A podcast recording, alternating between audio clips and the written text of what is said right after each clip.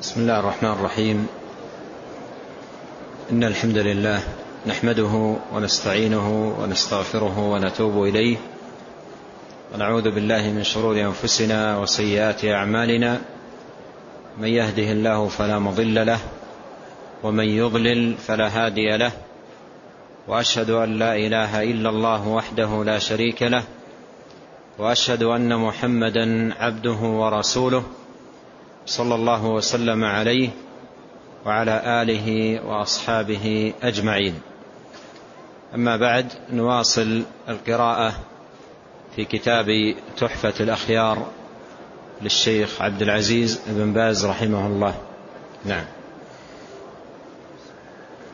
الحمد لله والصلاة والسلام على رسول الله قال المؤلف رحمه الله وفي الصحيحين أيضا عن رسول الله صلى الله عليه وسلم أنه قال كلمتان خفيفتان على اللسان ثقيلتان في الميزان حبيبتان إلى الرحمن.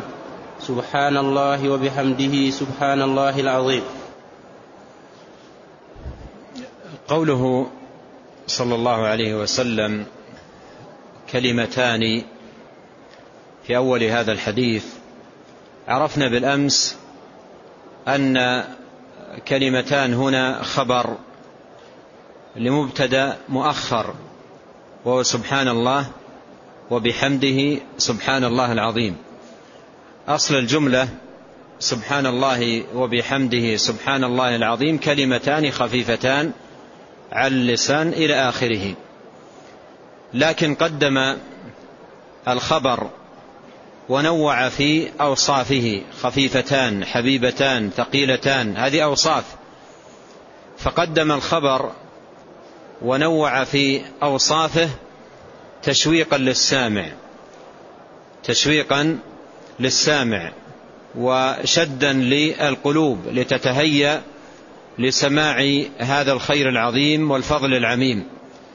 ولهذا بدأ بالخبر وقدمه ونوع في أوصافه ثم جاء فيما بعد المبتدأ وهو قوله سبحان الله وبحمده سبحان الله العظيم. وقوله كلمتان الكلمتان هما سبحان الله وبحمده سبحان الله العظيم. وفي هذا صحة إطلاق الكلمة على الجملة لأن سبحان الله وبحمده هذه جملة. تامة مفيدة وقوله سبحان الله العظيم أيضا هذه جملة. فكلمتان تطلق الكلمة على الجملة المفيدة وتطلق على الكلمة الواحدة. قال كلمتان خفيفتان على اللسان أي أنها ليست صعبة. ولا وليس فيها مشقة على اللسان عندما يتحرك بها بل هو عمل خفيف على اللسان. حتى إن هاتين الكلمتين مقارنة بالكلمات الأخرى في تكرارها على اللسان يسر وسهولة. وهذا واضح من دلالة الحديث وواضح في أداء المسلم لهاتين الكلمتين سبحان الله وبحمده سبحان الله العظيم. مقارنة بالكلمات الأخرى هي كلمة خفيفة كلمة خفيفة. بعض الكلام قد يكون فيه ثقل وقد يكون فيه شيء من الصعوبة. لكن هاتان الكلمتان فيهما خفة على اللسان. وعموما الأذكار الأذكار المشروعة هي أعمال خفيفة لا لا تكلف الإنسان مشقة ولا تطلب منه جهدا ولا يحصل له بها تعبا. وكل ذلك من خفتها خفيفة خفيفة على الأمر على المرء يعني ليس فيها ثقل عليه. قال خفيفتان على اللسان. وقوله على اللسان أي عندما يتحرك اللسان بهاتين الكلمتين. سبحان الله وبحمده سبحان الله العظيم فهما خفيفتان عليه. ثقيلتان في الميزان أي وزنهما يوم القيامة ثقيل. ولاحظ هنا جمع بين بين أمرين خفة في العمل نفسه وثقل في ثوابه. العمل خفيف ويسير جدا وثوابه عظيم. ولهذا قال بعض أهل العلم قوله بعد ذلك حبيبتان إلى الرحمن ذكر الرحمة هنا أو ذكر اسمه تبارك وتعالى الرحمن هنا الدال على الرحمة لأن العمل اليسير الذي عليه الثواب العظيم هذا من من رحمة الله بعبده. هذا من رحمة الله بعبده أن يعمل العبد عملا يسيرا قليلا لا يكلفه آه، جهدا ولا مشقة ولكنه في الوقت نفسه ثقيل في الوزن عظيم في الثواب عند الله تبارك وتعالى. فهذا من رحمة الله. عز وجل بعبده أن رتب على أعمال يسيرة جدا يقوم بها العبد ثوابا عظيما وأجرا جزيلا وهذا من سعة رحمة الله سبحانه وتعالى. قال كلمتان خفيفتان على اللسان ثقيلتان في الميزان. في هذا دلالة على أن أعمال العباد توزن يوم القيامة. وأن ثمة ميزان يوم القيامة ينصب ونضع الموازين القسط ليوم القيامة. فثمة موازين تنصب يوم القيامة و و و وتلك الموازين تزن الأعمال بمثاقيل الذر. كما قال سبحانه وتعالى فمن يعمل مثقال ذرة خيرا يره. ومن يعمل مثقال ذرة شرا يره فهناك موازين تنصب يوم القيامة وهي موازين حقيقية. الميزان الواحد له كفتان كفة توضع فيها حسنات العبد وكفة توضع فيها سيئاته. فمن ثقلت موازينه فأولئك هم المفلحون. الفلاح في ثقل الميزان والميزان يثقل بالأعمال الصالحة والطاعات الزاكية. وانظر هنا ماذا يقول نبيك الكريم عليه الصلاة والسلام ثقيلتان في الميزان. فالذي يريد أن يثقل وزنه يوم القيامة يكثر من الأمور التي تثقله. وهنا في هذا الحديث أخبر عليه الصلاة والسلام أن هاتين الكلمتين ثقيلتان في الميزان يوم القيامة. يثقل بهما الميزان. وأيضا يثقل بلا إله إلا الله. إذا خرجت من قلب صادق مفعم بالتوحيد مليء بالإيمان مليء بالصدق والإخلاص لله جل وعلا. اقرأ ذلك في حديث عبد الله بن عمرو بن العاص عن النبي عليه الصلاة والسلام. قال يصاح برجل من أمتي يوم القيامة على رؤوس الخلائق وينشر له تسعة وتسعون سجلا. كل سجل منها مد البصر. فيقال أتنكر من ذلك شيء؟ فيقول لا يا رب. فيقال أعندك حسنة؟ فيهاب الرجل ويقول لا. فيخرج له بطاقة فيها لا إله إلا الله. فيقول الرجل وما هذه البطاقة مع هذه السجلات؟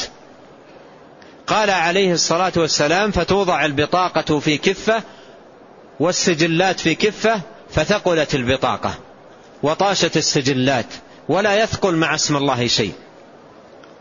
انظر ثقل لا إله إلا الله في الميزان.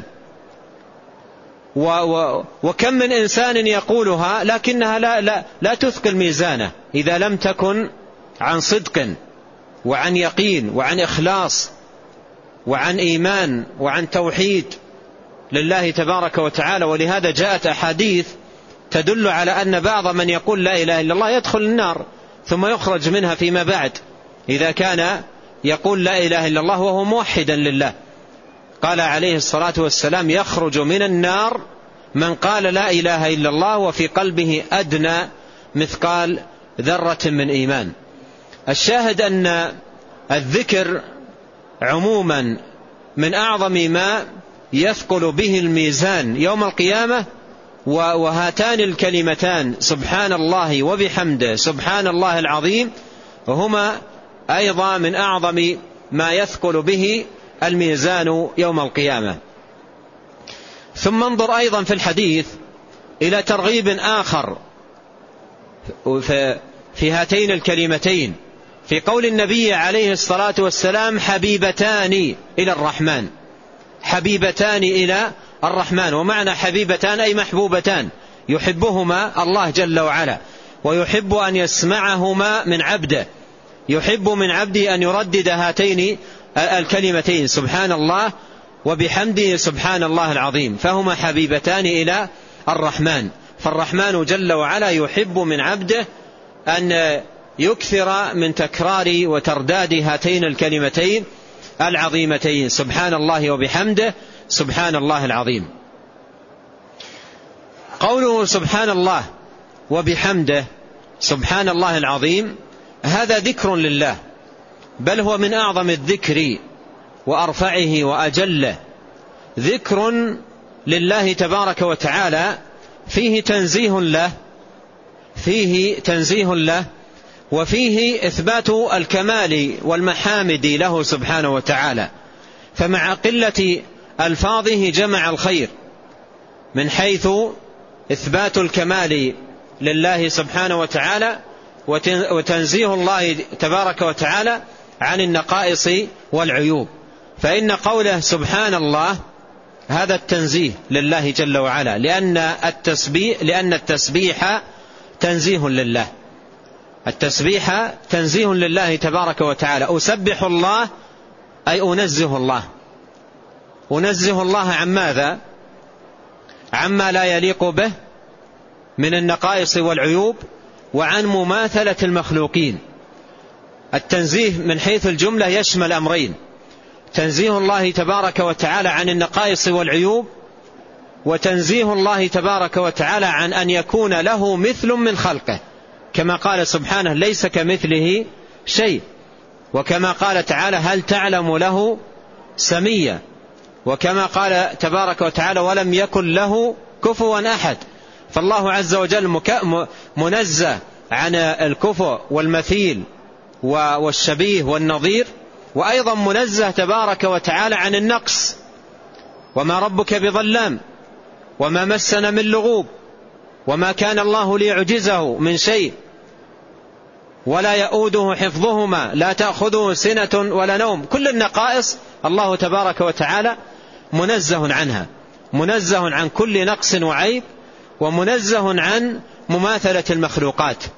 ومن يقول سبحان الله لابد لينتفع من هذا القول أن ينطوي قلبه على تنزيه الله وأن يحقق ما تدل عليه هذه الكلمة من التنزيه لله تبارك وتعالى.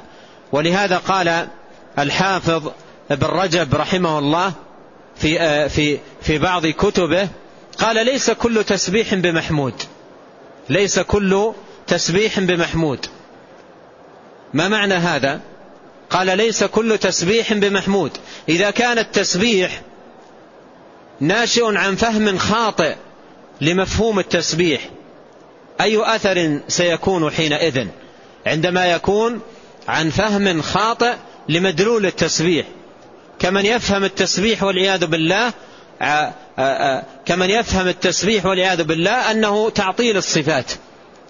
يوجد من الناس من يعطل أسماء الله ويعطل صفاته ويعطل علوه على خلقه تبارك وتعالى ويعطل ما أثبته النبي عليه الصلاة والسلام لربه من الصفات ويدعي أن هذا تسبيحا.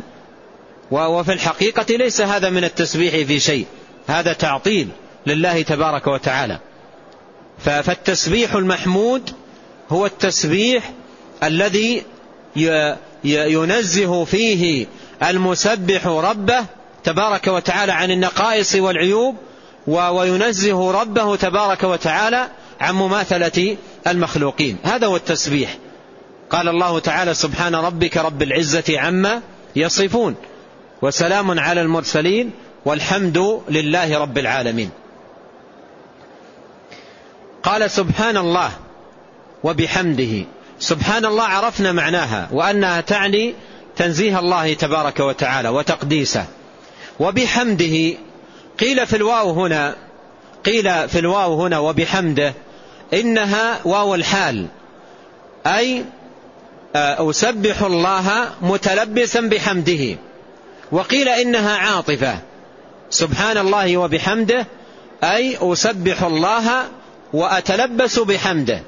وأتلبس بحمده أي أحمده تبارك وتعالى كما أنني أسبحه. سبحان الله وبحمده. والحمد فيه كما عرفنا إثبات الكمال لله جل وعلا لأن الحمد هو الثناء على الله. الحمد هو الثناء على الله تبارك وتعالى مع حبه جل وعلا.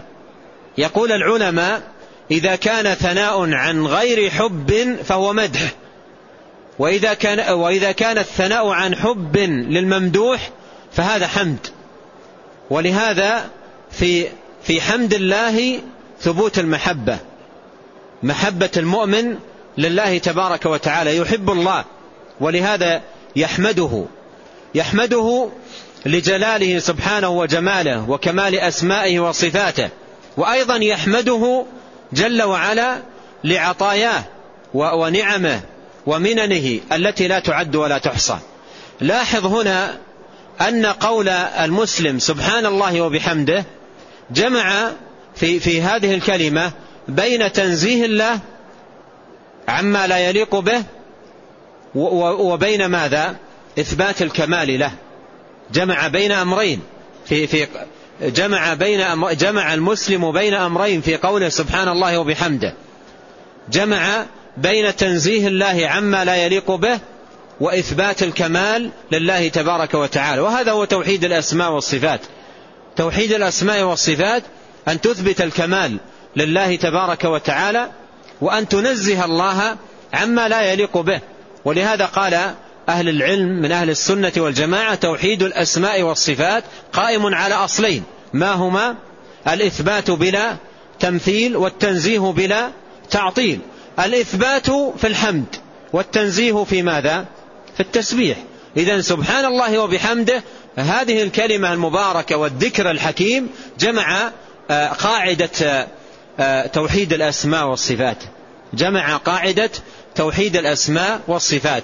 سبحان الله وبحمده. قال سبحان الله العظيم. هنا جمع بين التسبيح الذي هو التنزيه والتعظيم لله تبارك وتعالى الدال عليه اسمه العظيم. واسم الله العظيم هذا الاسم المبارك يدل على ثبوت العظمة لله جل وعلا. يدل على ثبوت العظمة لله لأن الاسم لأن الصفة الم... لأن الصفة التي يدل عليها اسمه تبارك وتعالى العظيم هي صفة العظمة.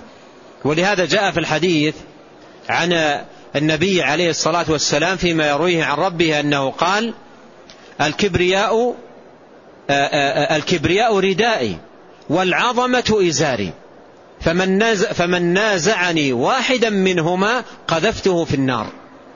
وثبت عن نبينا صلى الله عليه وسلم أنه كان يقول في الركوع والسجود سبحان ذي الجبروت والملكوت والكبرياء والعظمة. العظمة هي الصفة التي دل عليها اسمه العظيم. وهي عظمة في الذات وعظمة في الصفات وعظمة في الأفعال. ولهذا اسمه العظيم هو من الأسماء الدالة على أكثر من صفة. لأن من الأسماء ما يدل على صفة واحدة العليم العلم السميع السمع البصير البصر.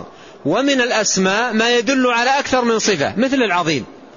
العظيم يدل على عظمة الله في أسمائه وعظمة في صفاته. عظمة في سمعه عظمة في بصره عظمة في قدرته عظمة في حكمه عظمة في حكمته عظمة في شرعه عظمة في أفعاله. كل ما كان من أسمائه وصفاته تبارك وتعالى فهو عظيم.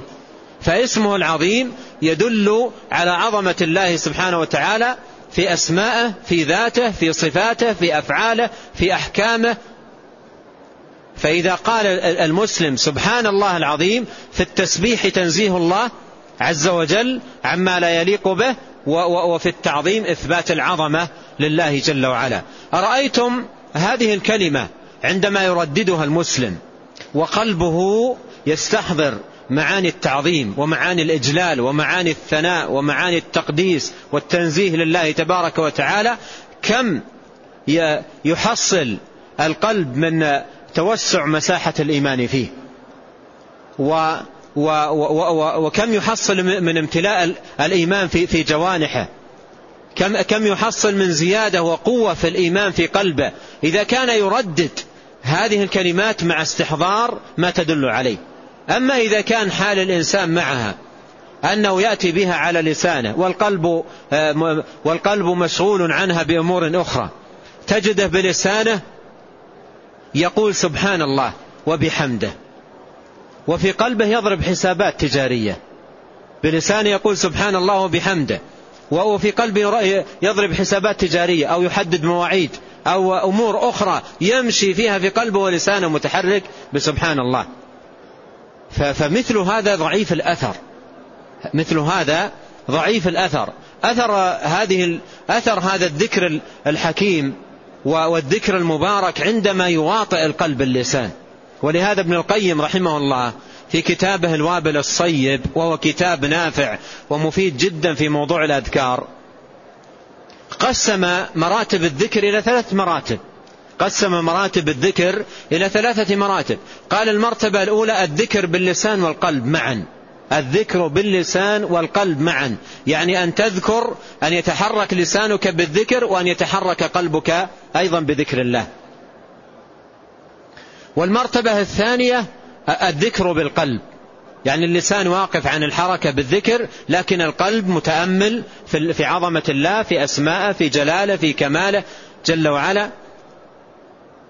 آه، والمرتبة الثالثة الذكر باللسان مجردا. قال وأعظم ما يكون في في الذكر لله تبارك وتعالى الذكر بالقلب واللسان. الذكر بالقلب واللسان. والذي يساعدك على آه، على أن يكون ذكرك لله بقلبك ولسانك هو استحضار المعاني. استحضار المعاني. معاني هذه الكلمات ومدلولاتها. يستحضر المسلم هذه المعاني عندئذ يكون لها الأثر. أضرب لكم مثالا يوضح شيئا ما. النبي عليه الصلاة والسلام في بعض أحاديثه أرشد من على جبلا أو, أو مرتفعا أن يقول ماذا؟ أن يقول الله أكبر وإذا هبط واديا أن يسبح الله. أن يسبح الله. تفكر لماذا؟ عندما تصعد عندما تصعد علوا في الغالب في الغالب أن صعود الإنسان إلى إلى العلو إلى المكان المرتفع يوجد في نفسه شيء من العلو والرؤية ورؤية النفس واحتقار الآخرين. أرأيتم شخصا عندما يصعد إلى إلى إلى, إلى جبل عالي أو يصعد آه، في في في عمارة عالية ثم ينظر إلى الناس من أعلى وهو فوق تجد ينظر إليهم باحتقار يقول انظر مثل الذر صغار ويدخل شيء من رؤية النفس. هنا أرشد النبي عليه الصلاة والسلام أن تقول الله أكبر. دعك من الكبرياء الذي دخل على قلبك عندما صعدت هذا المكان العالي وكبر ربك سبحانه وتعالى الذي من عليك بهذا الصعود من عليك بهذه الصحة من عليك بالبصر من عليك إلى آخره. فكبر الله اشتغل بتكبير الله عن الكبرياء الذي دخل في نفسك. إذا كبرت الله مستحضرا كبرياءه في قلبك انطرد انطرد من قلبك كل آفة. وعمر قلبك حينئذ بالإيمان. وإذا نزلت في, في, في واديا نزلت في واديا فإن المناسب أن تنزه الله وأن تقدسه سبحانه وتعالى عن النقائص وعما لا يليق به تبارك وتعالى. الشاهد أن هذه الأذكار ليكون لها الأثر هذه الأذكار ليكون لها الأثر على المسلم في ترداده لها وتكراره لها يحتاج مع ذلك إلى الدخول في معانيها ودلالاتها واستحضار الإيمانيات والتوحيد والتقديس والتنزيه إلى غير ذلك من الأمور التي تدل عليها هذه الكلمات. أما إذا كان الإنسان يرددها ولا يدري ما هي حتى إن بعضهم لو, لو, لو سئل ما الفرق بين سبحان الله والله أكبر هذه ماذا تعني وهذا وهذه ماذا تعني؟ ما يدري. يقول سبحان الله ربما قال سبحان الله في حياته آلاف المرات ثم تستوقف تقول سبحان الله والله أكبر. إيش الفرق بينهما؟ هذه على ماذا تدل وهذه على ماذا تدل؟ قصارى ما عنده أن يقول لك كل من الكلمتين ذكر طيب آه، جاء فيه فضل في النصوص. أما المعاني لا يدري ما هي. أما المعاني لا يدري ما هي. والعلماء قديما نبهوا على أن الأذكار يكون شأنها مع العبد ضعيفة الأثر إذا كان لا إذا كان لا يعرف معانيها ولا يعرف دلالاتها. ثم يا أخوان عندما نقول معاني ودلالات للأذكار ليست المسألة معضلة من المعضلات ولا ولا أيضا مسألة من عوا من من عويصات المسائل. معاني واضحة. معاني واضحة. وذكر بين. ومعنى ظاهر. لكن يحتاج المسلم أن يقف قليلا مع هذه المعاني ومع دلالاتها وأن يستحضر هذا المعنى إذا فهمه وعرفه عندما يسبح الله تبارك وتعالى. سبحان الله وبحمده سبحان الله العظيم. أخبر نبينا عليه الصلاة والسلام أن هاتين الكلمتين شأنهما أنهما خفيفتان على اللسان ثقيلتان في الميزان حبيبتان للرحمن. وأسأل الله جل وعلا أن يعيننا وأن يسر لنا ذكره كما يحب سبحانه وتعالى. قال رحمه الله وخرج الترمذي وغيره بإسناد حسن عن أبي سعيد وأبي هريرة رضي الله عنهما عن رسول الله صلى الله عليه وسلم أنه قال ما جلس قوم مجلسا لم يذكروا الله فيه ولم يصلوا على نبيهم إلا كان, إلا كان عليهم ترة فإن شاء عذبهم وإن شاء غفر لهم. إيراد المصنف رحمه الله لهذا الحديث بعد الحديث الذي قبله حديث كلمتان إلى آخره في غاية المناسبة. لأن الحديث الماضي الحديث الماضي يدل على فضيلة عظيمة جدا لذكر الله وعوائد مباركة تعود على العبد عندما يحرك لسانه وقلبه بذكر الله. عوائد مباركة عظيمة جدا. فكأن الشيخ رحمه الله لما أورد الحديث الذي بعده كأنه يريد أن ينبه بالمقابل إذا فرط الإنسان في مجالسه وفي أوقاته من هذا الخير العظيم والفضل العميم والثواب الكبير الذي يناله بذكر الله تبارك وتعالى ستكون مجالسه ندامة وحسرة عليه يوم القيامة. ستكون مجالسه ندامة وحسرة عليه يوم القيامة. لأن, لأن مجالسه كان متيسرا له أن يملأها. لأن مجالسه كان متيسرا له أن يملأها بما يثقل موازين يوم القيامة فأضاعها بلا شيء. أضاعها بدون فائدة بدون ثمرة. فالشيخ رحمه الله كأنه يريد أن ينبه على هذا المعنى. لما ذكر هذا الحديث الذي فيه العوائد العظيمة والأفضال الكبيرة التي يجنيها الذاكر بذكره لله تبارك وتعالى أراد أن ينبه إذا كان الإنسان خلاف ذلك.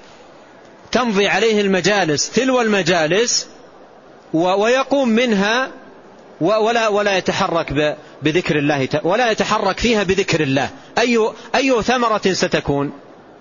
أي أثر سيكون؟ يقول الشيخ هنا أورد الشيخ هنا حديث النبي صلى الله عليه وسلم أنه قال ما قعد قوم مقعدا لم يذكروا الله فيه عز وجل ولم يصلوا على النبي صلى الله عليه وسلم إلا كان عليهم ترة. إلا كان عليهم ترة يعني حسرة وندامة. أو أيضا قيل نقص.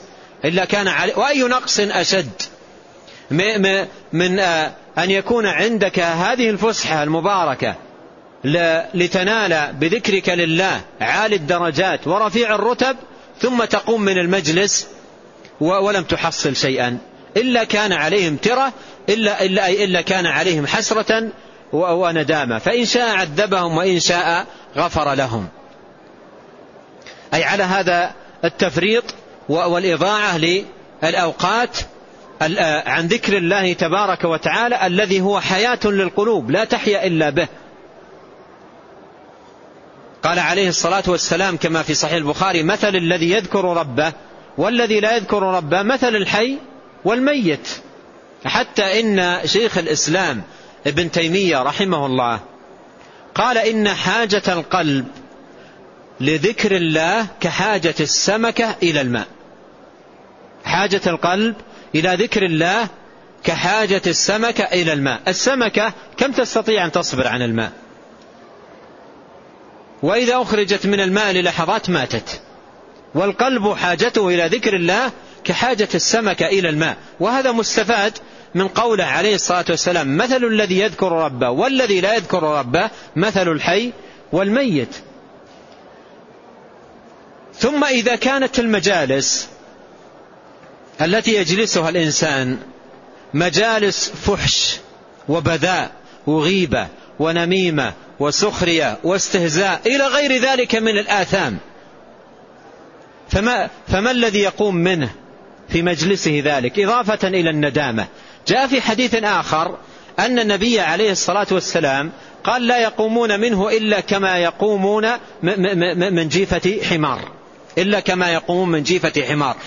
لك أن لكي تتصور الحديث لك أن تتصور شخص جلس في مجلس أو في غرفة وفي الغرفة جيفة حمار. حمار ميت منتن وجلس في غرفة فيها حمار منتن ميت ونتنه ظاهر. ثم قام من المجلس. ما الذي يعلق به من مجلسه؟ ما الذي يعلق به من مجلسه؟ لا يقوم إلا برائحة منتنة رائحة سيئة رائحة تلوثه وتؤذيه في, في نفسه في ثيابه في هيئته. فكذلك الذي يقوم من, من, من مجالس الآثام ومجالس الحرام ومجالس الغيبة ومجالس النميمة إلى غير ذلك هو, هو مثله مثل هذا. مثله مثل الذي قام من جيفة حمار. لأن الغيبة والنميمة والسخرية وغيرها من الآثام هذه حقيقة تلوث المكان. وإن كان وإن كان الإنسان ربما لا يرى بعينه التلوث ربما لا يرى بعينه التلوث لكنها تلوث المكان وتؤذي وتضر. يا سبحان الله عائشة رضي الله عنها لما قالت عن امرأة امرأة كانت قصيرة ماذا قالت عائشة؟ أشارت بيدها. أشارت بيدها. ما تكلمت لم تتكلم أشارت بيدها. قال النبي عليه الصلاة والسلام لقد قلت كلمة لم تتكلم هي. قال لقد قلت كلمة لو مزجت بماء البحر لمزجته لو مزجت بماء البحر لما هي ما تكلمت أشارت بكلمة أشارت بإشارة تؤدي مؤدى الكلام. ولهذا بعض الناس ربما يغتاب بلسانه بدون أن, بدون أن يتكلم أو بإشارة يد أو بإشارة عين. ويظن أن نفسه بريء من إثم الغيبة لأنه ما تكلم. ويكون حركته التي تؤدي مؤدى الكلام معدودة في كلماته التي هي اغتياب. قال لقد قلت كلمة لو مزجت بماء البحر لمزجته. فالشاهد أن, أن, أن الإنسان عندما يقع منه شيء من الجلوس في المجالس التي هي غيبة نميمة سخرية استهزاء إلى غير ذلك من المجالس يكون لها عظيم الأثر أو الخطر عليه. وهنا لاحظ أيضا ملاحظة مهمة جدا. أم المؤمنين عائشة وغيرها من الصحابة كانوا من أتقى الناس وأحفظهم لمجالسهم. وربما لكونهم بشر يخطئون يصدر منهم شيئا عفويا يصدر منهم شيئا عفويا يسيرا ثم تجد النبي عليه الصلاة والسلام يعظم الأمر هذا التعظيم.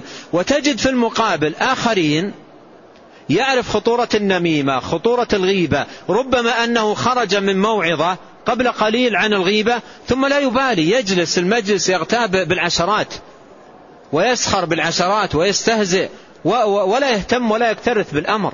فهنا خطورة عظيمة.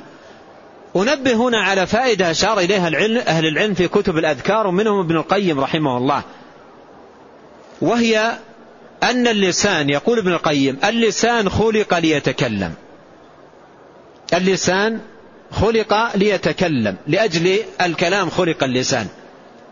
فإن لم تحركه بذكر ومفيد ماذا حدث؟ إن لم تحركه بذكر ومفيد سيتكلم بما بما يضر. إذا أردت أن تستوعب هذا المعنى أكثر انتبه لقول النبي عليه الصلاة والسلام عندما قال الرجل يتكلم بالكلمة لا يلقي لا يلقي لها بالا لا يلقي لها بالا يهوي بها في النار سبعين خريفا.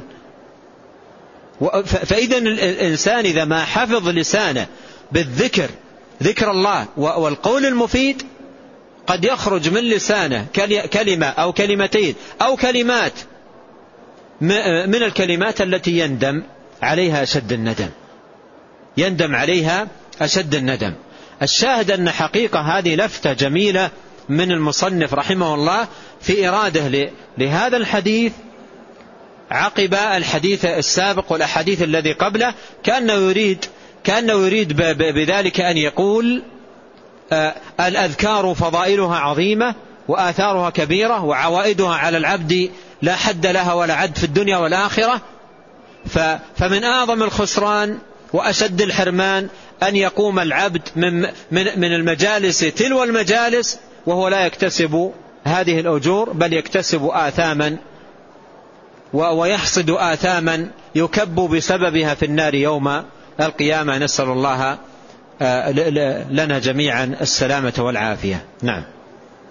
قال رحمه الله وقالت عائشة رضي الله عنها كان النبي صلى الله عليه وسلم يذكر الله على كل أحيانه خرجه مسلم في صحيحه. ثم أورد المصنف رحمه الله هذا الحديث حديث عائشة آه، رضي الله عنها عن أن النبي صلى الله عليه وسلم كان يذكر الله في كل أحيانه في كل أحيانه. الحين هو الزمان والوقت. فهو في كل وقت ذاكر لله تبارك يعني لا يفتر من ذكر الله تبارك وتعالى. دوما وأبدا يذكر الله عز وجل. قائما يذكر الله قائدا يذكر الله على جنب يذكر الله. كما قال الله عز وجل عن أولي الألباب الذين يذكرون الله قياما وقعودا وعلى جنوبهم. يذكرون الله قياما أي وهم قائمون. وهم ماشون وهم واقفون قعودا أي وهو جالس أيضا يذكر الله تبارك وتعالى. في, في, في مجالسه دوما يذكر الله وعلى جنب عندما يضطجع ليستريح أو يضطجع لينام أيضا يذكر الله. فهو, فهو في كل أحيانه يذكر الله تبارك وتعالى. إذا قرأت الآية وضممت إليها الحديث الذين يذكرون الله قياما وقعودا وعلى جنوبهم توضح لك معنى قوله يذكر الله في كل أحيانه. أي في كل أحواله. بعض الطرقية وأهل الضلال يفسرون قولها الذين يذكرون الله قياما وقعودا وعلى جنوبهم بأن يرقصون. يذكرون الله ويرقصون. يذكرون الله ويرقصون. يتمايل. يرقص على اليمين وعلى الشمال ويقعد ويقفز ويردد الله الله. هذا ذكر الله. الدليل يذكر الذين يذكرون الله قياما وقعودا وعلى جنوبهم. قياما يقفز قعودا يجلس بقوة ويتمايل ويردد الأذكار. الدليل الذين يذكرون الله قياما وقعودا وعلى جنوبهم. انظر كيف يدخل الشيطان. انظر كيف يدخل الشيطان ويفسد الدين ويفسد الذكر ويفسد العبادة. ولهذا في, في, في مجالس يسمونها مجالس ذكر يحضرون الطبول يحضرون الطبول ويبدأون يرقصون ويذكرون. يذكرون الله الله تبارك وتعالى. بعضهم يذكر الله ب ب ب بلفظ الجلالة. يذكر الله بلفظ الجلالة الله الله الله. يردد هذه اللفظة. بدون أن بدون أن يضم إليها ما يتم جملة مفيدة. ولا يوجد انتبهوا لا يوجد في, في, في الأذكار المشروعة ما ليس بجملة مفيدة. هذه قاعدة مفيدة يا أخوان. لا يوجد في الأذكار لا يوجد في الأذكار المشروعة في الكتاب والسنة ما ليس آه، جملة مفيدة. كل ذكر موجود في الكتاب والسنة جملة مفيدة. الله أكبر. سبحان الله الحمد لله لا إله إلا الله لا حول ولا قوة إلا بالله حسبنا الله ونعم الوكيل.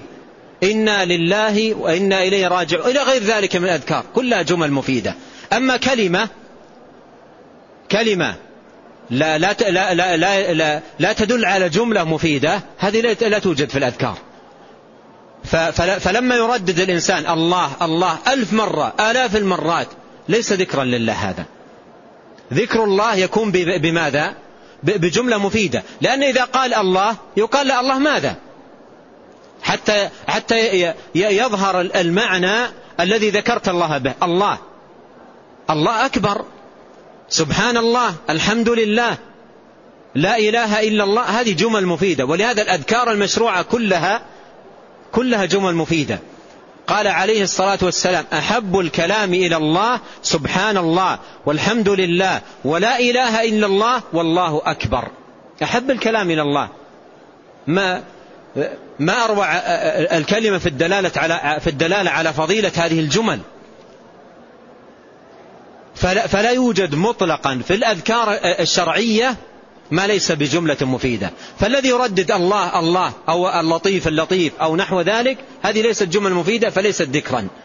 ليس ذكرا ليس مما شرع لنا أن نذكر الله به. فتجد بعضهم يذكر الله ب ب ب ب باسم بالاسم المظهر الله وآخرون يذكرون الله بالاسم المضمر. آخرون يذكرون الله بالاسم المضمر هو فقط. يرددها عشرات المرات. يرددها عشرات المرات ويكررها. هو هو يرددها. ما هذا؟ يرددها. وهو في قراءة نفسه يذكر الله. انظر كيف يعبث الشيطان بهؤلاء. انظر كيف يعبث الشيطان بهؤلاء. أحد المهتدين من هؤلاء حدثني مرة هو بنفسه وقد من الله عليه بالهداية. قال كنا نجتمع كل خميس في بستان وفي الصباح وبصوت واحد.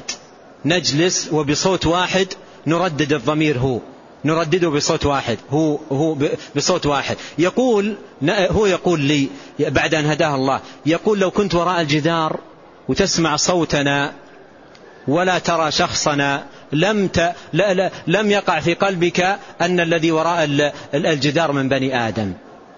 سمى لي حيوان من الحيوانات. قال لا لا تظن أن الذي وراء الجدار من بني آدم شيء آخر. هو هو بصوت واحد. وعند وفي قراءة أنفسنا أننا أننا نذكر الله تبارك وتعالى. فإذا انضم إلى هو هو الطبول والرقص يمينا وشمالا ثم يأتي مضلهم ويقول الذين يذكرون الله قياما وقعودا وعلى جنوبهم ويقولون هنيئا لكم يا قوم على هذا الذكر العظيم لله تبارك وتعالى. هنيئا لكم على هذا أنتم أولو الألباب يقول لهم. أنتم المعنيون بقوله الذين يذكرون الله قياما وقعودا وعلى جنوبه. ويمضي القوم في ضياع وفي تباب وفي خسران. ولم يحصلوا ذكرا لله تبارك وتعالى. وإنما هم طوع الشيطان و و ويحركهم كيف يشاء في الضلال والضياع والعياذ بالله. ثم أيضا يقول قائل هؤلاء لهم ليتمادوا في باطلهم يقول لهم انتبهوا انتبهوا يقول يا قوم الذكر على ثلاثة مراتب الذكر على ثلاثة مراتب مقسم إلى ثلاثة أقسام ذكر للخاصة وذكر لخاصة الخاصة وذكر للعامة عوام الناس ذكر العامة لا إله إلا الله. ذكر العامة لا إله إلا الله وذكر الخاصة الله الله وذكر خاصة الخاصة هو ذكر خاصة الخاصة هو ترددونها. ماذا يقول آه، آه، ما ماذا يقول من يستخفون ممن أمامه؟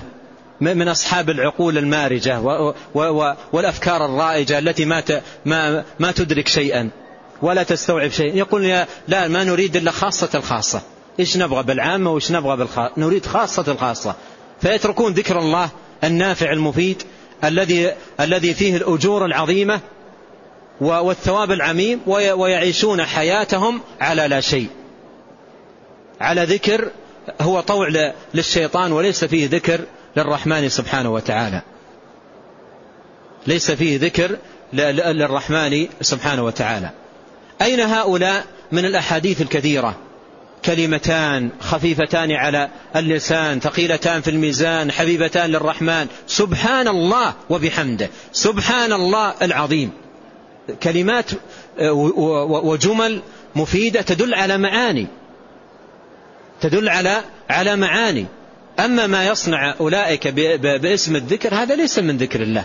هذا ليس من ذكر الله. ولو عاش الإنسان عليه عشرات السنوات ليس ذاكرا لله. ليس ذاكرا لله. ولا ولا يثاب على ذلك بل بل يأثم. ولا يكتب ولا يكتب في حسناته بل يكتب في سيئاته. يا إخوان إذا كان ابن مسعود رضي الله عنه دخل على نفر وهم يقولون الكلمات الاربع سبحان الله والحمد لله ولا إله إلا الله والله أكبر ولكن بطريقة غير مشروعة. بطريقة غير مشروعة. كيف الطريقة؟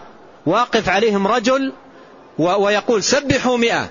فيقولون بصوت واحد مع بعض سبحان الله سبحان مئة. ثم يقول هللوا مئة؟ فدخل عليهم ابن مسعود وقال عدوا سيئاتكم. قال عدوا سيئاتكم. فأنا ضامن على الله لا يضيع من حسناتكم شيء. يقول لهم عدوا سيئاتكم. وهم, وهم يسبحون. ويقول لهم عدوا سيئاتكم. وهم يسبحون يهللون ويكبرون. لماذا؟ لأنهم في طريقة غير مشروعة. إذا كان ابن مسعود قال في في حق من يسبح ويهلل ويحمد ويكبر قال مثل هذه الكلمة. فما بالك بمن بمن يذكر يذكر الذكر الجماعي الغير مشروع بألفاظ غير مشروعة؟ بأذكار غير غير مشروعة. على كل حال الذي جرنا لذلك قوله أن النبي عليه الصلاة والسلام يذكر الله في كل أحيانه والآية توضح المعنى والآية توضح المعنى آه، الذين يذكرون الله قياما وقعودا وعلى جنوبهم وكلنا آلمنا قبل يومين. ما ما جاء في آه، سؤال طرح أحد الإخوة يخبر عن قوم آه، يقولون مثل هذا الكلام. جاء في السؤال أن قوم من أهل الرقص الرقص الذي ورقص الذكر يستدلون عليه بالآية. الذين يذكرون الله قياما وقعودا وعلى جنوبهم. وقلت لكم في جواب ذلك السؤال أن هذا الأمر في, في, في كتب الطرقية في كتب الطرقية مقرر بشكل واسع. مقرر بشكل واسع. حتى أن, أن في أحد الكتب التي ألفت وأراد من ألفها أن يحيي بها علوم دين الإسلام أراد بها مؤلفها أن يحيي بها علوم الإسلام عقد فصلا في, في كتابه عقد فصلا في كتابه عندما تكلم عن الذكر وأنواعه إلى آخره عقد فصلا عنوانه آداب الرقص. فصل عنوانه آداب الرقص. إيش إيش آداب الرقص؟ يعني في حلقة الذكر لما يرقص لابد أن يكون متحلي بآداب الرقص. في في حلقة الذكر عندما يرقص لابد أن يكون متحليا بآداب الرقص. وأخذ يعدد الأدب الأول الأدب الثاني الأدب الثالث. آداب يتحلى بها آه، آه، الذي الذي يرقص في مجلس الذكر. وكل هذه وكل هذه تكتب على أنها من علوم الدين. تكتب على أنها من علوم الدين الدين الإسلامي الذي بعث به محمد عليه الصلاة والسلام. انتبهوا أنها من علوم الدين الإسلامي الذي بعث به محمد عليه الصلاة والسلام. هات من الآداب. قال الأدب الأول أن الشيخ الشيخ إذا, إذا, إذا, إذا, إذا كان يرقص يرقص في الحلقة ويذكر الله ومن شدة تفاعله مع الرقص من شدة تفاعله مع الرقص مسك ثوبه من شدة التفاعل مزقه. ومزق ثوبه من شدة التفاعل. وأصبح بلا ثوب في المجلس. قال من الأدب أن, أن الذين حول الشيخ يخلعون ثيابهم. ما يصلح يكون الشيخ بدون ثوب والذين عنده بالثياب. لا. هذا هذا من قلة الأدب. فإذا, فإذا مزق الشيخ ثوبه يخلعون ثيابهم. يخلعون ثيابهم. طيب هات الأدب الثاني. قال الشيخ إذا كان مثلا من شدة الرقص سقطت عمامته. العمامة ملفوفة ولكن مع الهز والرقص والقفز إلى آخر سقطت العمامة. قال ما يليق وليس من الأدب أن الشيخ بلا عمامة وأنت عليك عمام. اخلع العمامة. وذكر آداب عديدة يتحلى بها الذاكر في مجلس الرقص. كل هذا يكتب على أنه من إيش؟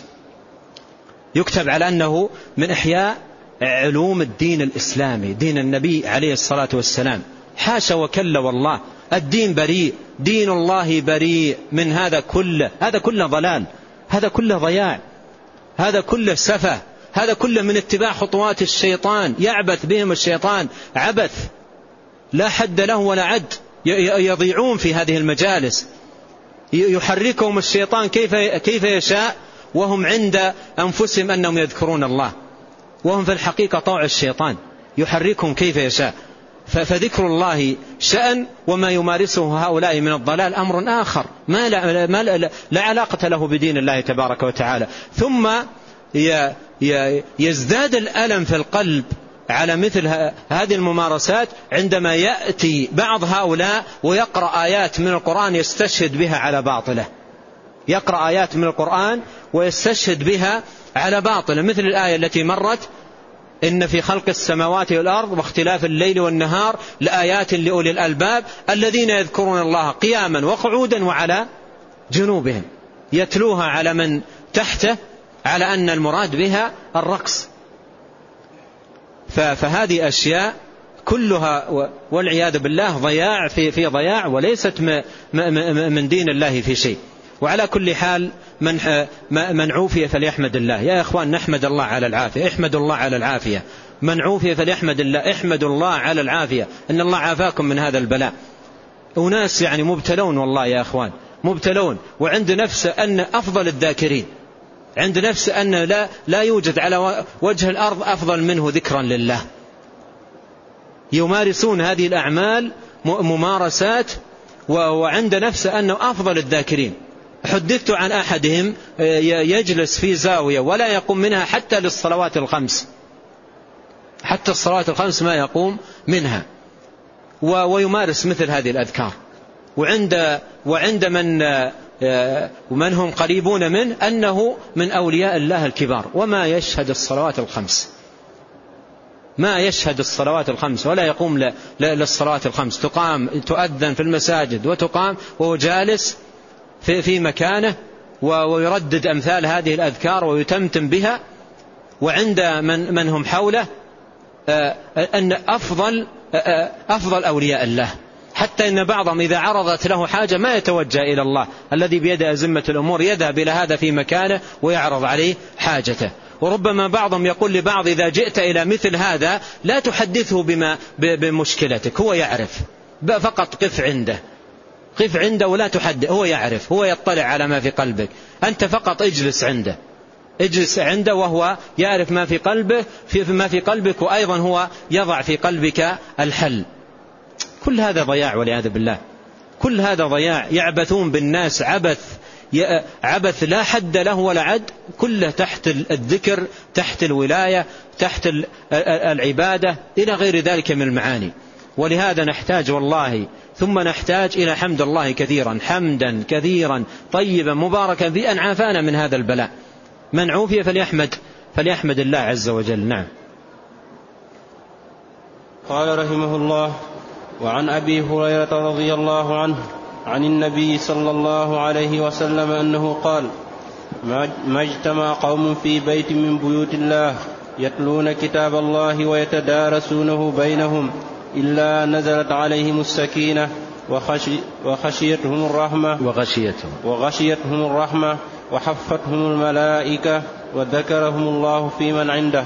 ومن بطأ به عمله لم يسرع به نسبه. خرجه مسلم في صحيحه. ثم أورد المصنف رحمه الله هذا الحديث حديث أبي هريرة رضي الله عنه. وقد مر معنا الحديث قريبا بلفظ لا يقعد قوم يذكرون الله عز وجل إلا حفتهم الملائكة وغشيتهم الرحمة ونزلت عليهم السكينة وذكرهم الله في من عنده. في اللفظ الأول قال ما قع ما قع لا يقعد قوم يذكرون الله. لا يقعد قوم يذكرون الله. ولفظ الحديث الثاني قال ما اجتمع قوم في بيت من بيوت الله يتلون كتاب الله ويتدارسونه بينهم. ماذا تستفيد؟ لأن فيها آه، أمر آه، معروف عند أهل العلم وهي أن ألفاظ الحديث يفسر بعضها بعضا. ففي اللفظ الأول قال ما اجتمع لا يقعد قوم يذكرون الله. وهنا قال يتلون كتاب الله ويتدارسونه بينهم. ماذا تستفيد من اللفظين؟ أن مجالس العلم لاحظ الفائدة أن مجالس العلم التي يتلى فيها القرآن يفسر فيها كلام الله يقرأ فيها حديث الرسول عليه الصلاة والسلام تبين فيها الأحكام الحلال والحرام إلى غير ذلك هذه مجالس إيش؟ هذه مجالس ذكر. هذه مجالس ذكر لله تبارك وتعالى.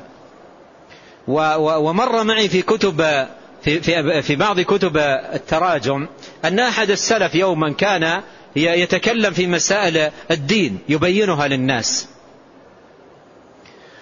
كان يتكلم في في مسائل الدين يبينها للناس. وكان في المجلس شاب واستمر كان الشيخ استمر يبين الأحكام. فقال الشاب قاطع الشيخ وقال يا قوم يا, يا ناس سبحوا الله اذكروا الله. وكان الشيخ يبين لهما الأحكام. فقال يا قوم سبحوا الله اذكروا الله. فقال له نحن من الساعة كنا في ماذا؟ كنا في ماذا؟ فالشاهد أن بعض الناس يظن أن الذكر أن, أن ذكر الله هو التسبيح والتحميد والتهليل والتكبير. ولا يظن أن مجالس العلم أن مجالس العلم هي مجالس ذكر لله. بل في بعض الأحيان مجلس العلم أنفع للمسلم بعض الأحيان مجلس العلم أنفع للمسلم من مجلس يجلس فيه يسبح ويحمد ويكبر. وخاصة إذا كان عنده أمور من ضروريات الدين ومهماته يجهلها ولا يعرفها. أمور من التوحيد أمور من واجبات الدين من الصلاة من الزكاة إلى آخر يجهلها ما يعرفها. خير, من خير له من أن يجلس آه، ليسبح ويحمد. خير له من ذلك أن يجلس في في في مجلس علم يرفع به الجهل عن نفسه في أمور من فرائض الإسلام. ولهذا قسم قسم العلماء قسم العلماء العلم في حق المتعلم إلى قسمين علم هو فريضة وعلم هو نافلة. العلماء رحمهم الله يقسمون العلم في حق المتعلم إلى قسمين فرض ونفل. والفرض ما كان من أمر التوحيد وواجبات الإيمان وما لا يتم الواجب إلا به فهذه في حق المسلم واجب واجب فرض عين عليه. لا, لا بد آه، أن أن يتعلمها وأن يجلس لمعرفتها وللعلم بها. فمجالس العلم آه، قد تكون في في في حق الإنسان أفضل من مجلس يسبح فيه ويحمد ويكبر ويهلل وبخاصة كما أوضحت إذا كان يجهل أمورا من ضروريات الدين وواجباته. ثم في الحديث ذكر النبي عليه الصلاة والسلام الآثار المباركة لمجالس الذكر قال إلا نزلت عليهم السكينة وغشيتهم الرحمة وحفتهم الملائكة وذكرهم الله في من عنده. والكلام على هذه سبق أن مر معنا. قال ومن بطأ به عمله. لم يسرع به نسبه. من بطأ به عمله. يعني كان مقصرا في الأعمال ولم يساعده عمله إلى النجاة أو بلوغ الدرجات. فإن نسبه لا يسرع به. قال الله تعالى فإذا نفخ في الصور فلا أنساب بينهم يومئذ ولا, ولا يتساءلون. فلا أنساب بينهم يومئذ ولا يتساءلون. قال تعالى إن أكرمكم عند الله أتقاكم. يا أيها الناس إنا خلقناكم من ذكر وأنثى وجعلناكم شعوبا وقبائل لتعارفوا إن أكرمكم عند الله أتقاكم. فمن بطأ به عمله لم يسرع به نس لم يسرع به نسبه. لم يسرع به به نسبه. يعني لم يرفعه نسبه. الذي يرفع الإنسان عمله أعماله الصالحة طاعاته الزاكية ما ما يقربه إلى إلى الله سبحانه وتعالى من صالح الأعمال وسديد الأقوال. قال من بطأ به عمله. لعل هنا لفتة. لما ذكر عليه الصلاة والسلام الاجتماع للعلم وما يكون عليه عليه من من الآثار نبه في تمام الحديث إلى إلى خطورة التفريط في في هذا الأمر. بقوله ومن بطأ به عمله. يعني لا لا تركن إلى أشياء تظنها تنجيك. الذي ينجيك عندما تلقى الله سبحانه وتعالى أن تقبل على دينه إقبالا صحيحا بالعلم النافع والعمل الصالح علم يهديك وعمل صالح يرقيك. كما كما هي عبارة ابن القيم في مفتاح دار السعادة. علم يهديك يعني يهديك الطريق القويم وعمل صالح يرقيك. هذا الذي تنال به عالي الرتب وتنجو به من سخط الله تبارك وتعالى. نسأل الله جل وعلا بأسماء الحسنى وصفاته العلى أن يهدينا إليه صراطا مستقيما. وأن يعيذنا من سبل الضلال. وأن يصلح لنا ديننا الذي هو عصمة أمرنا. وأن يصلح لنا دين دنيانا التي فيها معاشنا وأن يصلح لنا آخرتنا التي فيها معادنا وأن يجعل الحياة زيادة لنا في كل خير والموت راحة لنا من كل شر. ونسأله تبارك وتعالى أن يصلح ذات بيننا وأن يؤلف بين قلوبنا وأن يهدينا سبل السلام وأن يخرجنا من الظلمات إلى النور وأن يبارك لنا في أسماعنا وأبصارنا وأزواجنا وذرياتنا وأوقاتنا وأموالنا وأن يجعلنا مباركين أينما كنا وأن يغفر لنا ولوالدينا وللمسلمين والمسلمات والمؤمنين والمؤمنات الأحياء منهم والأموات. ربنا إنا ظلمنا أنفسنا وإن لم تغفر لنا وترحمنا لنكونن من الخاسرين والله تعالى أعلم. هذا السائل يقول في هذه الآونة اتصل بي شخص اتصل بي شخص مجهول من دولة سمى دولة أفريقية. قال اتصل بي شخص من تلك الدولة قال لي أنت موجود في السعودية وأنت مسحور. فقلت له كيف عرفت؟ قال اسأل نفسك وإذا لا ترغب في العلاج سوف يصيبك مرض السرطان والعقم وسوف تموت خلال هذا الأسبوع. فقلت وما الحل؟ قال الحل هو العلاج. قلت وكيف عرفت رقم جوالي؟ قال كنت في خلوة وحضرة فأتاني رقمك وأريد مساعدتك. قلت حسنا وما هو العلاج؟ فقال الشرط الأول كذا والشرط إلى آخره. آه، هذه طريقة آه، مؤخرا بدأت آه، هذه طريقة مؤخرا بدأ يفعلها بعض السحرة في, في, في بعض الدول. يفعلها بعض السحرة في, في بعض الدول. يتصل إما برقم عشوائي إما برقم عشوائي يتصل عليه أو برقم وصلة من شخص ما. يعني مثلا جاءه شخص من هذه البلاد ليتعالج عنده فقال له أريد أن تسمي لي شخصا أو تعطيني رقما أو أرقام من أصحابك زملائك تواصل معهم أتصل بهم. فإما أن يتصل على رقم عشوائي أو يتصل على رقم بهذه الطريقة أو طريقة ثالثة يتصل على رقم يحضره له الشياطين الذين يتعاملون يتعامل معهم. وربما يعطيه الشيطان الرقم ويعطيه الاسم من القرين. كل هذا ممكن. فهذه الطريقة بدأ يفعلها بعض السحرة. يتصل ثم يلقي يلقي بين يدي المتصل عليه فاجعة مخيفة جدا. يهز يهزه بها. يقول له أنت مصاب بكذا. خلال أسبوع تموت. خلال يومين. إن لم كذا فيبدأ يدخله رعب وخوف. فإذا كان ضعيف الإيمان رقيق الدين يستسلم مباشرة ويسلم القياد لهذا الساحر المريد ويقول ما الحل؟ ما العلاج؟ ماذا أفعل؟ ويبدأ يتواصل معه بالسحر إلى أن يهدم عليه دينه ويأخذ منه ماله. الخلاصة هاتان. خلاصة الأمر هذين الأمرين. أخذ مال هذا الرجل وإذهاب الدين. النتيجة أبدا في كل وقت وحين هي هذين الأمرين. أن يأخذ منه ماله. وأن يأخذ أيضا دينه. يذهب دينه عند الساحر.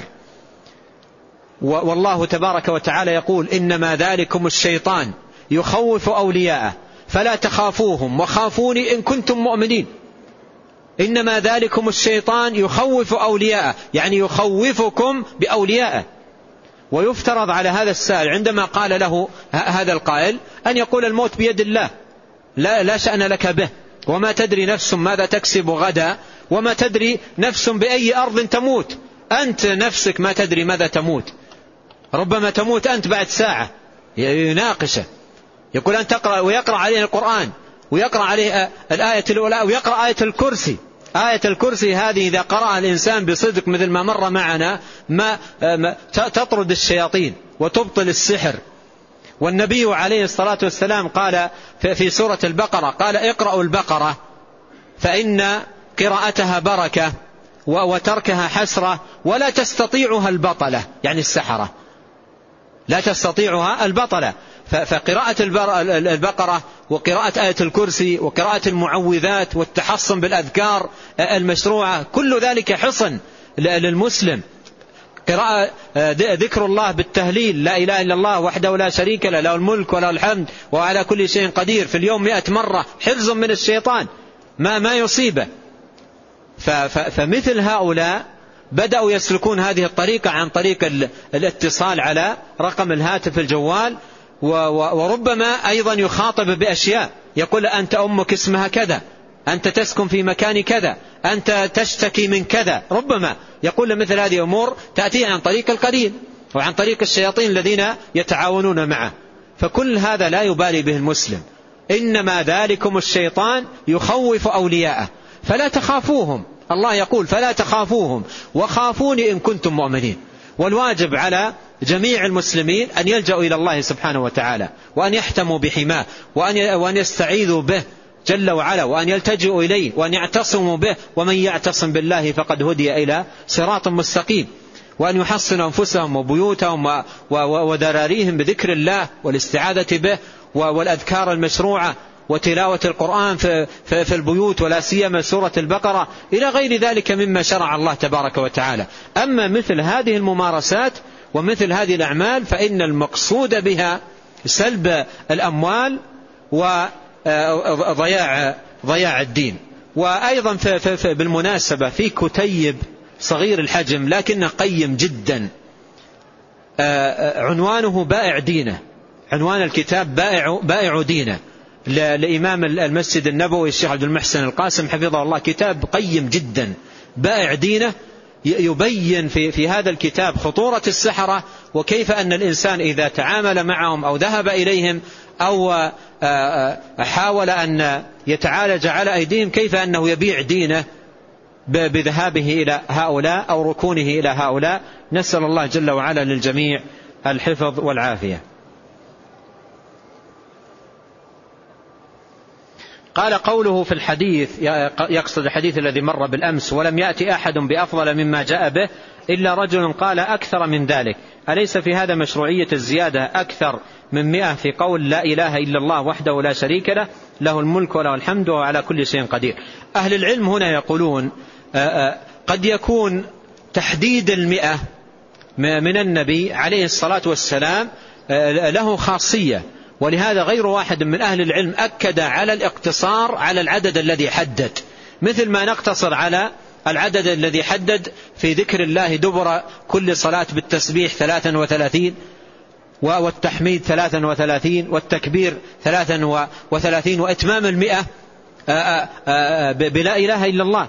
أرأيتم لو أن قائلا زيادة الخير خير أنا أريد أنا أسبح خمسا وثلاثين أو أربعين؟ يقال له لا.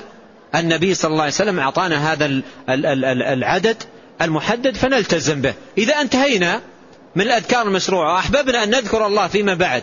ذكرا مطلقا نسبح ما, ما شاء الله ونحمد ما شاء الله ونكبر ما شاء الله ونهلل ما شاء الله لكن الأشياء المقيدة نلتزم بها مقيدة كما جاءت.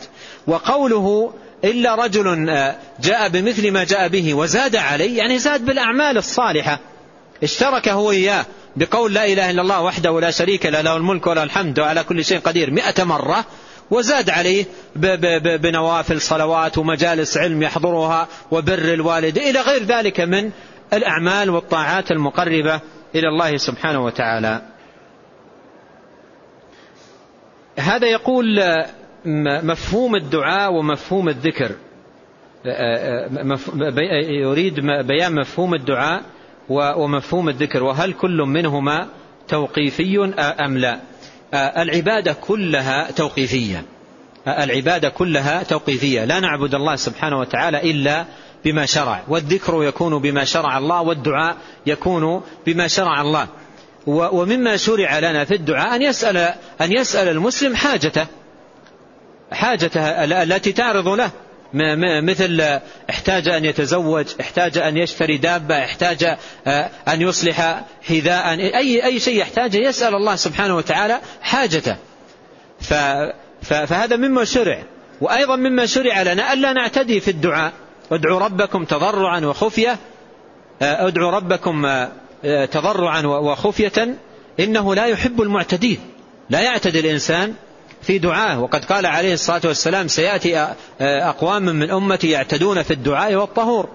فالشاهد أن الذكر والدعاء توقيفي بمعنى أن يلتزم شرع الله تبارك وتعالى في صفة الذكر وطريقته وشروط الدعاء وآدابه وما ينبغي أن يتحلى به الداعي. كل ذلك يكون على ضوء الكتاب والسنة. ولهذا العلماء كتبوا في كتب الأذكار الضوابط والشروط للذكر وللدعاء على ضوء ما دل عليه كتاب الله عز وجل وسنة النبي صلوات الله وسلامه عليه. يقول هل في الصلاة الاقتصار على الدعاء الوارد في الشرع أم الأمر في, في